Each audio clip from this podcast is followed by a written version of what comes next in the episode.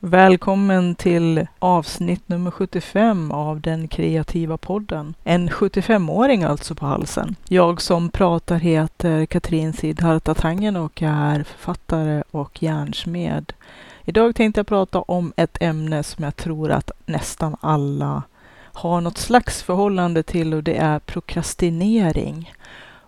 Och eh, lite lustigt eller olustigt nog så prokrastinerade jag väldigt inför att spela in det här avsnittet. Snacka om ironi. Men egentligen det här med eh, att prokrastinera är inte sådär jättedramatiskt egentligen. Det är bara en väldigt, ofta i alla fall, väldigt i längden stressande känsla att vara i. Att känna att man skjuter upp saker som man ofta i alla fall innerst inne vill göra. Men det är någonting som gör att det här igångsättningsmotståndet blir bara större och större.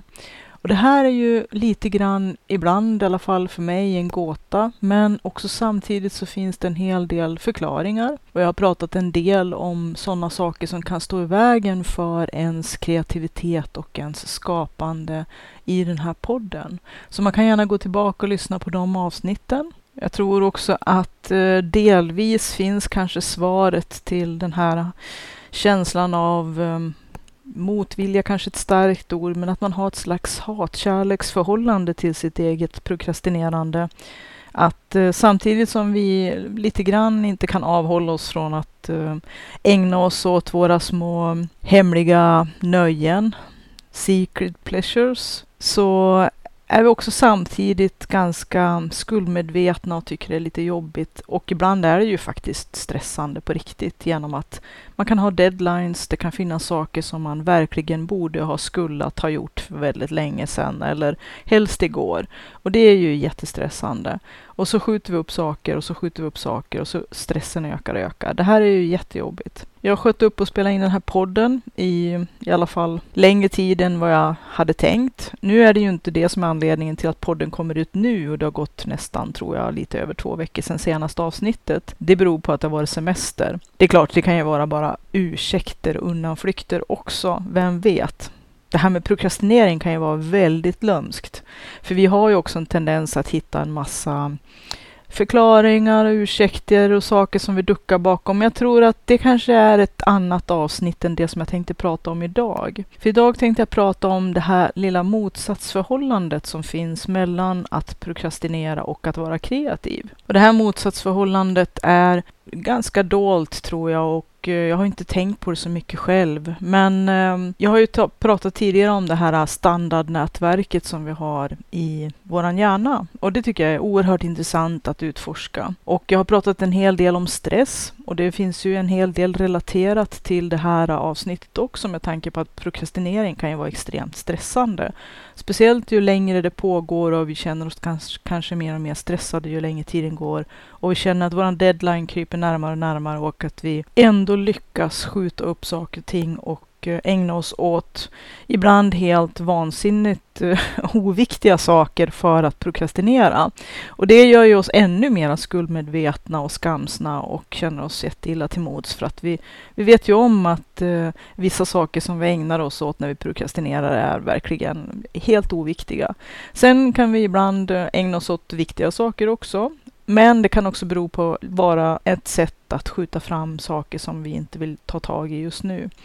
Och det finns ju olika tekniker och, och um, hitta vägar runt omkring det, de olika problemen. Men för att återgå till det här motsatsförhållandet mellan kreativitet och eh, att prokrastinera.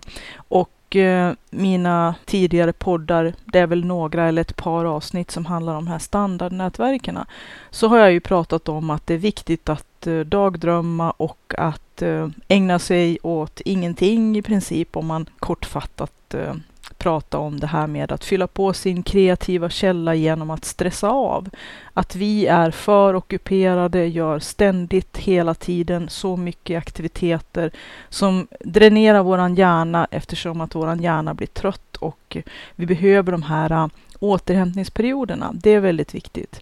Och att eh, vårt standardnätverk eller default network som är de här byggnadsställningarna som finns i hjärnan som jag kallar det, som ligger ganska i det fördolda för oss och som det inte pratas så mycket om. De behöver lugn och ro för att göra sitt jobb. Men det finns en liten baksida också. Och det är det jag tänkte prata om idag. Det är det som också på sätt och vis är lite lustigt att eh, våran kropp är ju en, en fenomenal maskin och våran hjärna absolut. Och Eh, det finns ju nog ingenting i, i, som människor åtminstone kan skapa som kan överträffa det. För att eh, det är verkligen, när man går på djupet med vissa saker så är det ju många saker som jag upptäckt som är fantastiska och helt eh, egentligen nästan otroliga hur, saker, hur det kan fungera. Nu har vi ju inte alla svar och det här med att forska kring neurologi och hur vår hjärna funkar, det är jättesvårt. Men det man har kommit fram till hittills och det kommer säkert att hinna ändras och man kommer att hitta mera eh, detaljer och forskning kommer att fortsätta och sådär. Så att det som sägs idag behöver inte nödvändigtvis vara sant imorgon och vi tolkar allting väldigt olika och olika delar eh, också påverkar och har olika relevans för oss, absolut.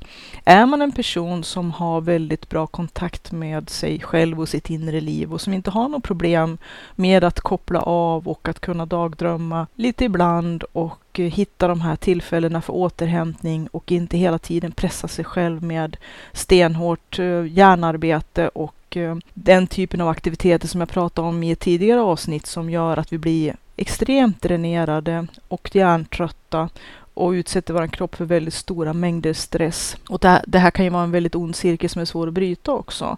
Att många människor som jag vet är väldigt stressade, de har glömt bort hur man gör när man kopplar av. De kan inte riktigt det, för de är så himla uppvarvade och så speedade att de har väldigt svårt att få, kom, få kontakt med sig själva och få markkontakt. För att det är lite grann som en eh, spiral som bara ökar och ökar och ökar och som det kan vara svårt att få stopp på.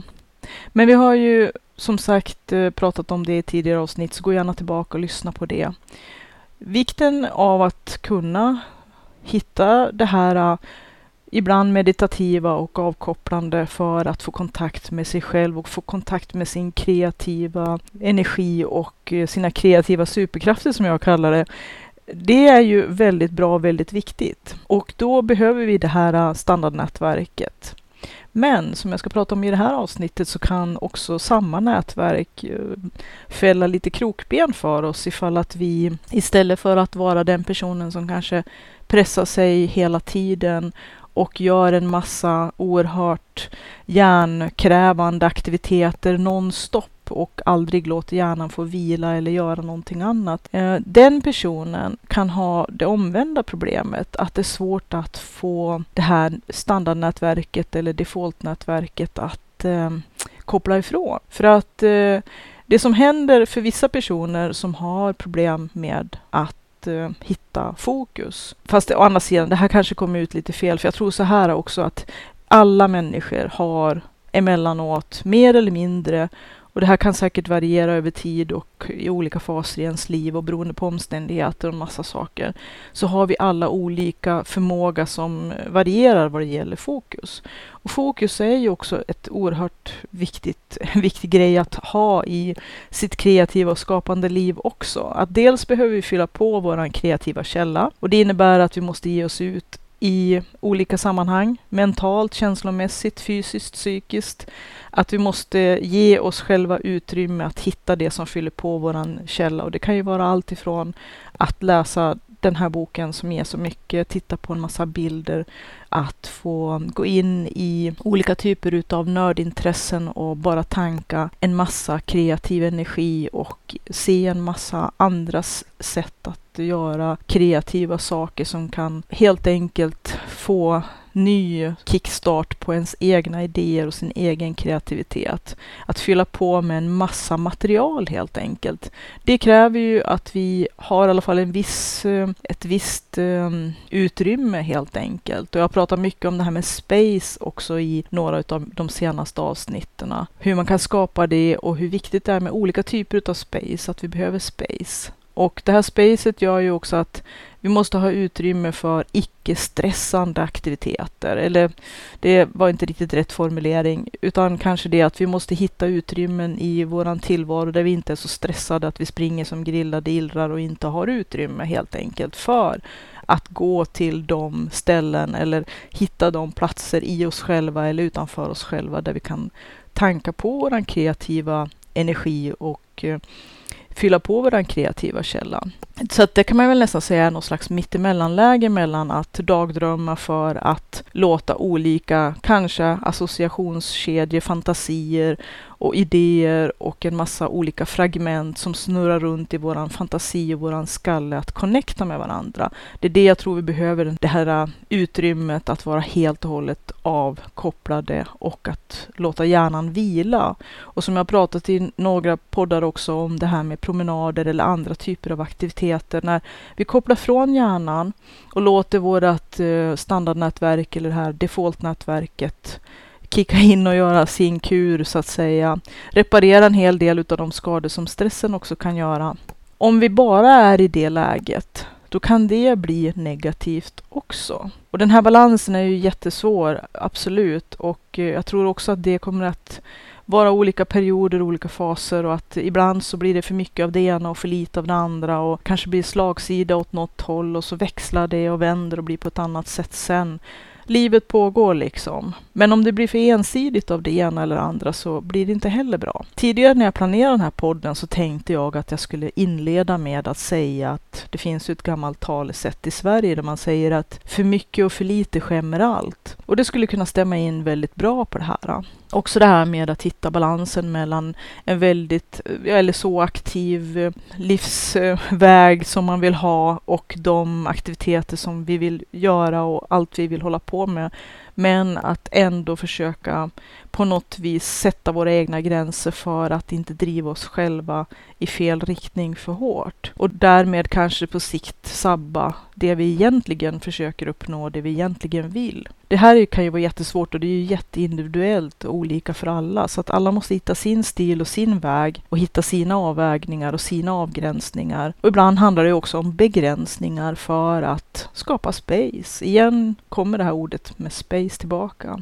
Vikten av att kunna hitta tid och space för återhämtning, fylla på sin kreativa källa för dagdrömmeri, att låta fantasin få löpa, att få koppla ihop en massa associationsfragment i våran hjärna, att plocka plocka och pilla på det här materialet som vi har samlat när vi har fyllt på vår kreativa källa.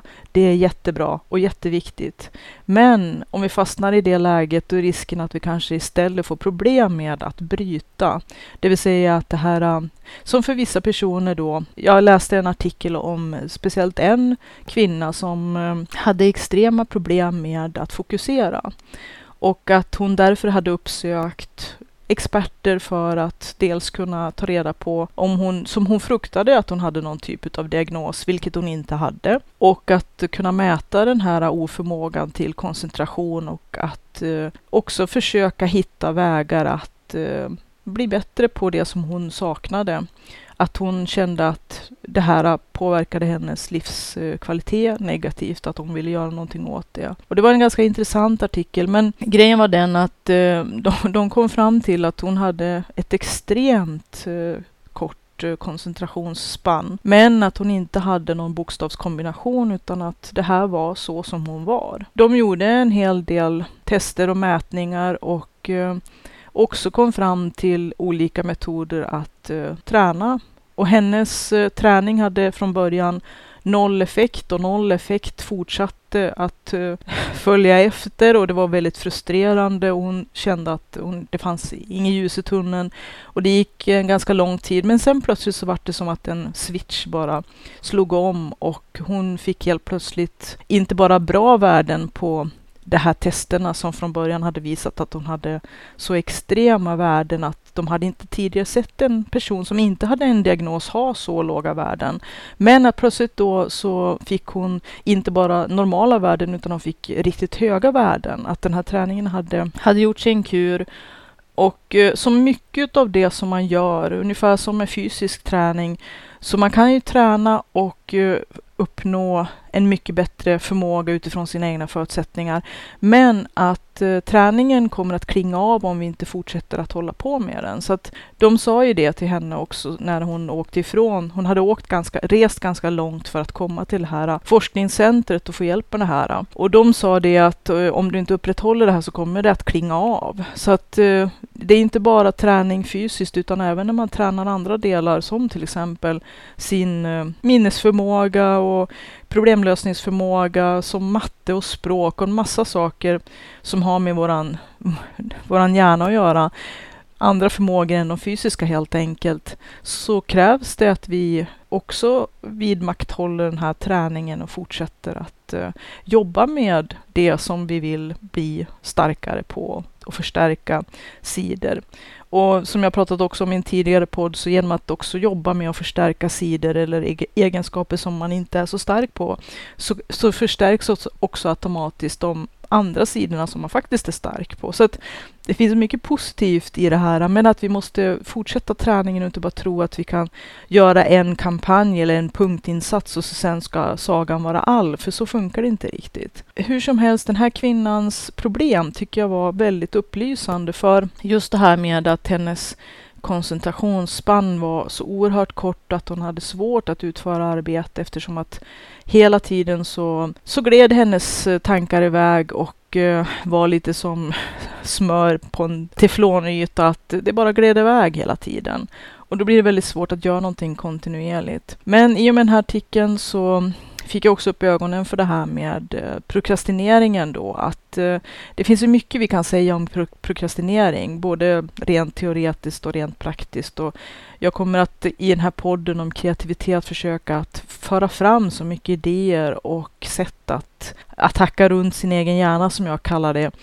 I det här avsnittet så vill jag peka på att eh, den här balansen som vi har eller försöker skapa i oss själva i våra liv är väldigt viktig och att som sagt, för mycket och för lite skämmer allt. Att det finns inte en enda sanning som kommer att leda till att, eh, att allt kommer att lyckas eller bli perfekt på något sätt. Och perfekt finns ju inte heller, som jag har pratat i en tidigare podd om. Men att, eh, att ensidigt sikta in sig på en enda lösning eller ett enda sätt att fungera ger obalans och, och eh, snedsida eller slagsida. Det är lite grann att lura sig kanske att tro att man kan bara ägna sig åt att dagdrömma för att nå sina kreativa superkrafter. Att visst, vi behöver det här spacet, vi behöver återhämtning, vi behöver system som eh, stressar av våra stresssystem. För att det var ju också en del i den här poddens innehåll som jag satt och planerade innan här, att vi har ju i kroppen, och det som jag inledde med, våran kropp och våran hjärna är helt fantastiska tingestar egentligen, eller tingestar, det kanske är fel uttryck. Man eh,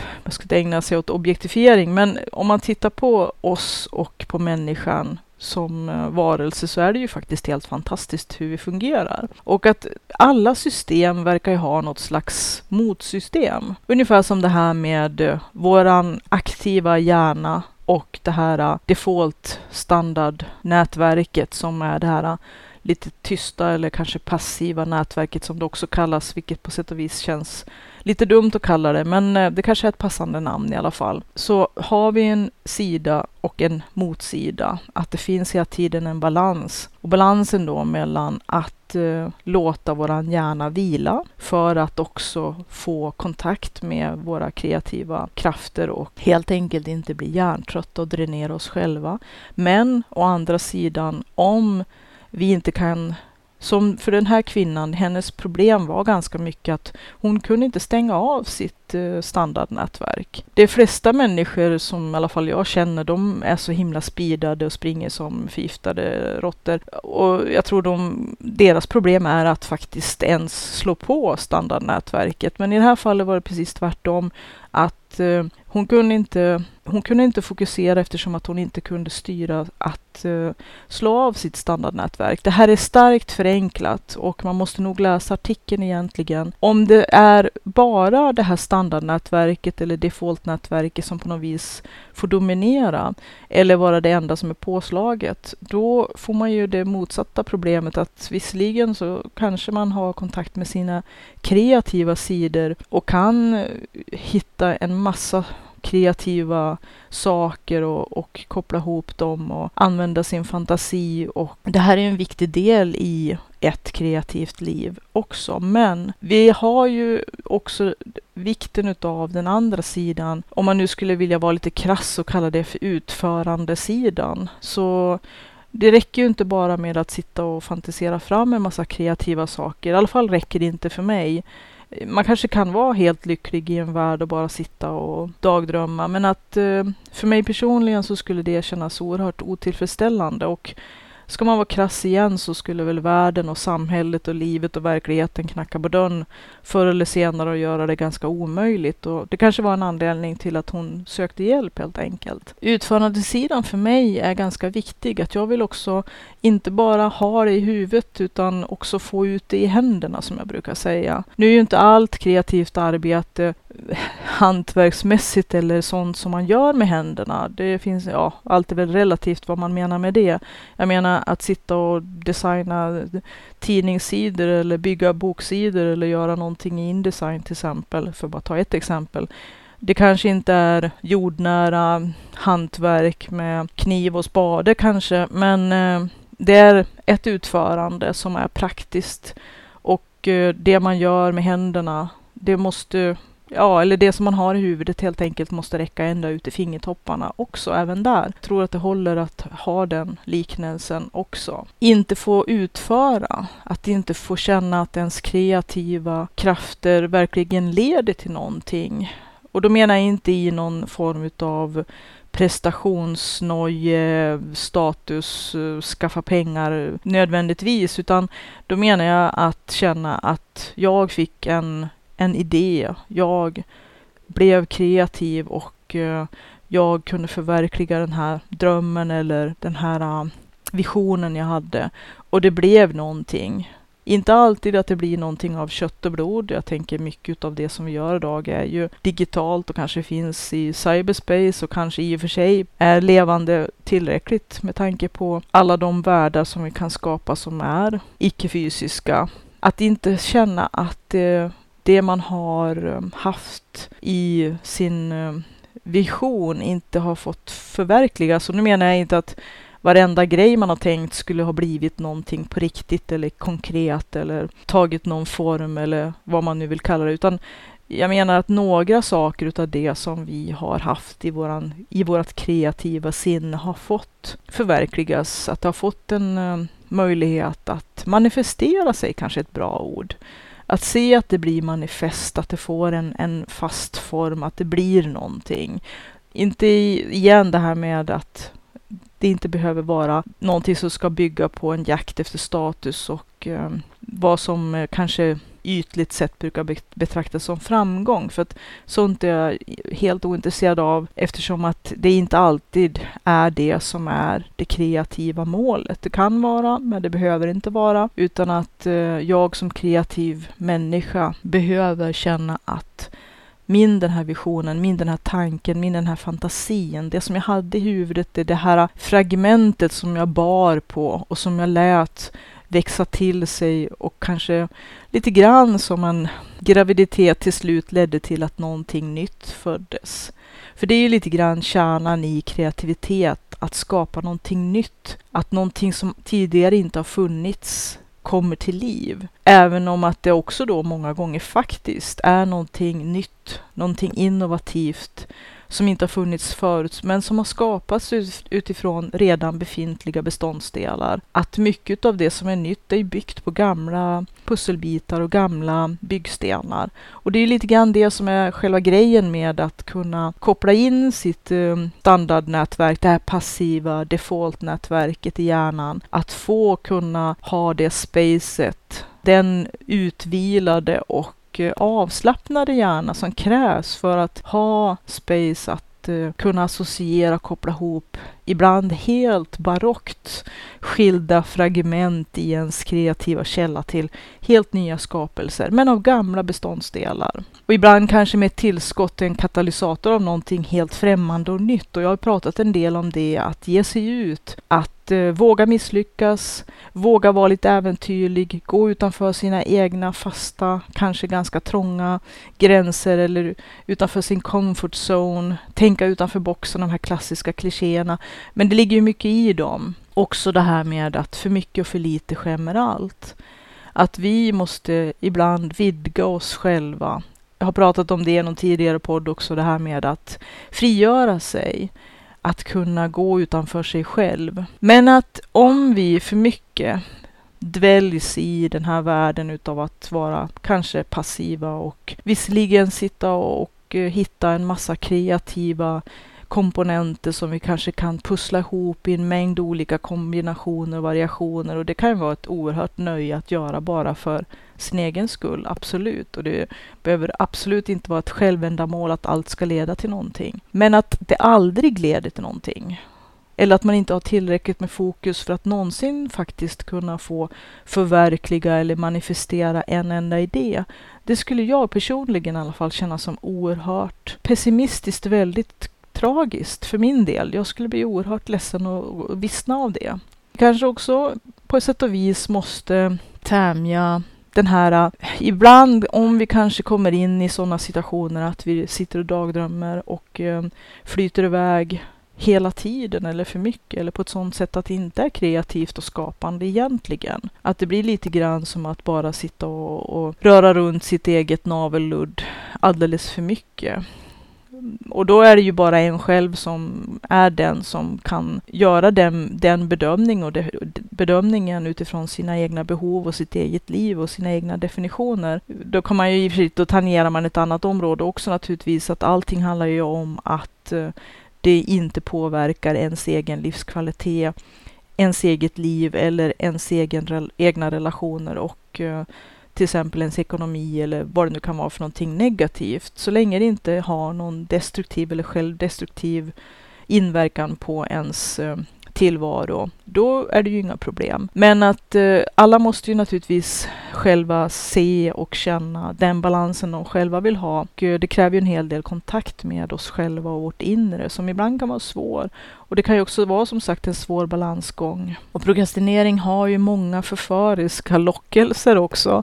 Att det är väldigt lätt att hamna i långa perioder där man är fast i någonting. Det är väldigt svårt att sätta ord på det här, men när man kanske har, kommer underfund med att man har suttit och, och tittat på eh, oändlig ström av Youtube-filmer och eh, hela, hela dagar och kvällar och nätter och kanske alldeles för mycket tid går bort på det och det kanske faktiskt inte leder till någonting konkret praktiskt som man förverkligar eller manifesterar eller har någon praktiskt jordnära nytta av. Man kanske tycker, det blir lite grann som alla grejer vi sparar omkring oss, lite så här, åh, det är jättebra aha, ha, tänk vad bra att jag också vet det här och har sett en eh, jättebra Youtube-fil på hur man kan göra det här, men om man aldrig faktiskt sätter det i bruk, då är det ju kanske bara waste of time och ett slags ursäktande. Lite grann som att man kan gömma sig bakom research som författare. Och det här är ju också så här otroligt svåra bedömningsgrejer. När går gränsen för att researchen är behövd och viktig och leder till det man vill att det ska leda till? Eller kan man bara sitta och nästan eh, ursäkta uttrycket, research-onanera för att man jag är ju fast för att vara nördig och vilja fördjupa mig i saker och då är det lätt att man hamnar i något slags researchträsk och har svårt att komma ur det för att det är ett himla härligt ställe att vara på, ungefär som att titta på en massa Youtube-filer kring det som är ens olika intressen och som man också kan nörda ner sig på. Igen kommer ju det här att för mycket och för lite skämmer allt att eh, hitta den här balansen. Men när det gäller det här med prokrastinering och eh, default-nätverket eller standardnätverket. Det är klart att nu kanske man pratar om lite extrema grejer i den här artikeln som jag läste då när det handlar om personer som helt enkelt inte kan stänga av det här eh, default-nätverket, att de hela tiden är i den här, eh, i de passiva kretsarna av hjärnan som jag har sagt kan vara jätte bra för ens kreativitet. Men att eh, om det bara är de som är dominerande så blir det inte så bra heller. Ungefär som att stress, vårt stresssystem i kroppen är oerhört bra för vår överlevnad. Det var ju därför som det tillkom från början. Eh, adrenalin till exempel som gör att vi får oanade krafter behövs ju i en situation när vi kanske måste agera för att eh, klara livhanken. Det var ju det med att kanske uppleva direkta fysiska, kanske direkt dödliga hot. Men nu i vår moderna värld så är det ju sällan som det här systemet egentligen behövs för sin ursprungliga tanke eller idé, utan eh, det här adrenalinpåslaget som vi nu får och som vi ofta får utav helt andra orsaker. Det är ju i sig inte skadligt, men om det pågår för länge så sliter det ju ner kroppen och bränner det i båda ändarna så att säga. Och att vi har ett motsystem även när det gäller stressen som är till för att slå av stresshormonet eller alla de, det finns en hel uppsjö med olika hormoner som kickar igång när vi blir svårt stressade. Att våran kropp kan inte fatta skillnaden mellan att våran boss skapar och skriker och hetsar och stressar oss för någonting som vi har bommat på jobbet eller en deadline som, som vi känner bara kryper närmare och närmare och vi blir asstressade. Eller en eh, sabeltandad tiger som är på väg att hoppa på oss. Vår kropp reagerar på precis samma sätt med stress.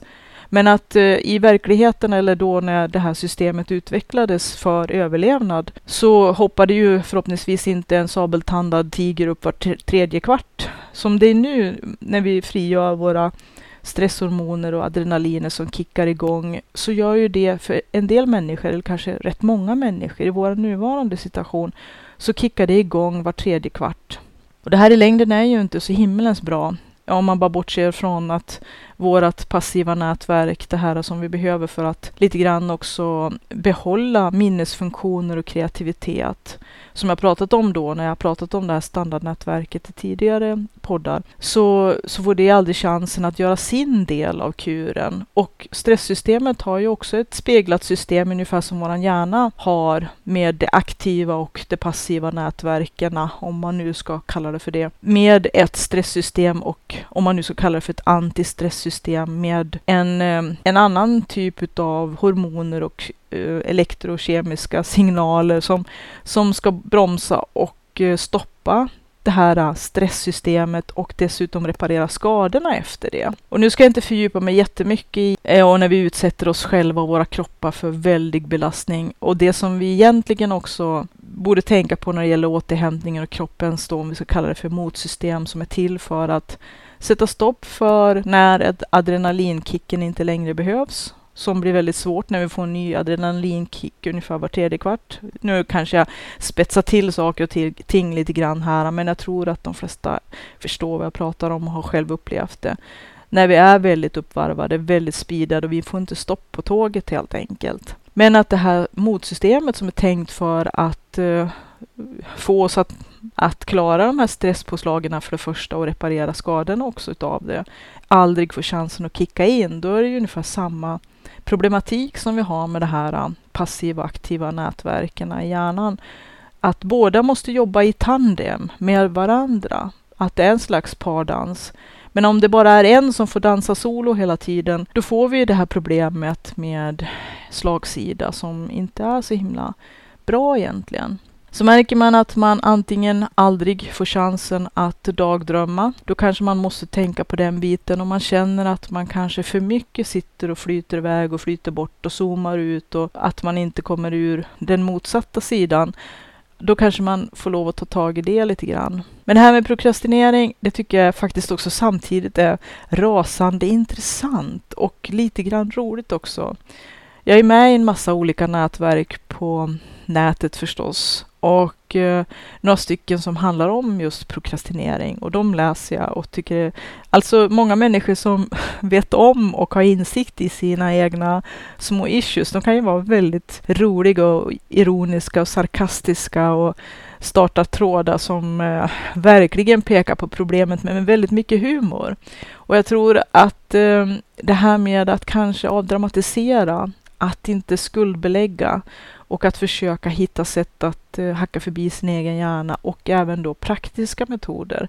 Att det finns faktiskt hjälp. Och jag kommer väl att prata om det här med prokrastinering och olika sätt att kunna både avvärja och komma ikring dem och att hitta sätt att hacka förbi sin hjärna. Det är ju sånt som jag kommer att fortsätta med i den kreativa podden. Men jag hoppas att det här avsnittet har gett dig i alla fall en tanke och kanske en fundering på hur din egen balans ser ut och kanske reflektioner eller kanske möjlighet till ingång, ingångar, nya ingångar och reflektioner för att skapa en, en bättre balans. Nu så här hemkommen ifrån semestern när podden har legat nere i lite mer än två veckor. Så det är klart att eh, man känner ju lite grann den här eh, stressen att eh, nu måste man sätta igång, försöka hitta tillbaka till sitt spår. Och det här tycker jag är det nästan svårast efter att man har haft eh, ledigheter och gjort en massa jättetrevliga saker förstås. Samtidigt som jag också tycker att det är väldigt skönt att komma tillbaka i selen, vilket jag tror att de flesta kanske tycker är jättekonstigt av mig att säga. Men att eh, det här att ha rutiner och att eh, komma tillbaka till sin kreativa och skapande, sitt flow helt enkelt. Det känner jag att eh, det gör jag bäst då när en del saker är på plats. Och vardagen, om man kan inrätta den på ett sätt att man har de här sakerna på plats, är ju ett jättebra stöd. Det kan man kan tycka väldigt mycket om vardagen. Ibland är den ju en eh, nemesis för ens skapande och kreativa liv att det här grå grottandet som eh, kanske maler ner en och att det är svårt att hitta de kreativa superkrafterna eller att ens vara kreativ. Och det kan ju också hänga ihop med det som jag har pratat om i en del av mina poddar, det här med att när vi äts upp av vardagen och stressen så är det ju väldigt svårt att låta ens eh, kreativa sidor och att fylla på sin kreativa källa, att ge det space, att ge det plats. Och jag har ju också propagerat för att man måste ta plats, man måste skapa utrymme. Man måste ge det utrymmet och att det sker genom medveten tanke och reflektion och att det är saker som man själv måste se till att eh, få i land, tänkte jag säga. Det är ibland en kamp och man får slita rätt hårt ibland. Det underlättar ganska mycket att se de här sakerna lite tydligare. Och vi kommer aldrig att vara perfekta och vi kommer aldrig att vara några superhjältar. Jag pratar om kreativa superkrafter, men det är inte att vara perfekt eller att eh, lyckas med allt eller vara på höjden av sin prestationsförmåga eller vad man nu vill. Men att man eh, ändå ser i horisonten åt vilket håll man är på väg. Att man har tagit ut en kurs och att man har tagit ut en riktning och att man navigerar åt det hållet. Ibland får man göra kursändringar och saker och ting kommer att hända på vägen. Vi måste rida ut en del stormar, men att vi ändå har blicken på det här målet i horisonten. Också påminna oss att målet är inte allt, utan det är vägen dit. Hoppas du haft behållning av den här podden och eh, kolla gärna in på www.sidharta.se Z-I-D-D-H-A-R-T-A.se och eh, där finns det en länk som heter bidra som man kan klicka på. Och där finns det lite tips på hur man kan stötta och stödja och supporta den här podden, vilket skulle vara väldigt tacksamt. Man kan också klicka på länkarna som finns i alla fall på Soundcloud för den här podden, men man kan också hitta dem direkt i sin webbläsare om man skriver in www.patreon paetron.com siddis Z-I-D-D-I-S. Och där kan man bli Patreon och stödja den här podden och få tillgång till massa extra godis. Ha det gott och vi hörs igen.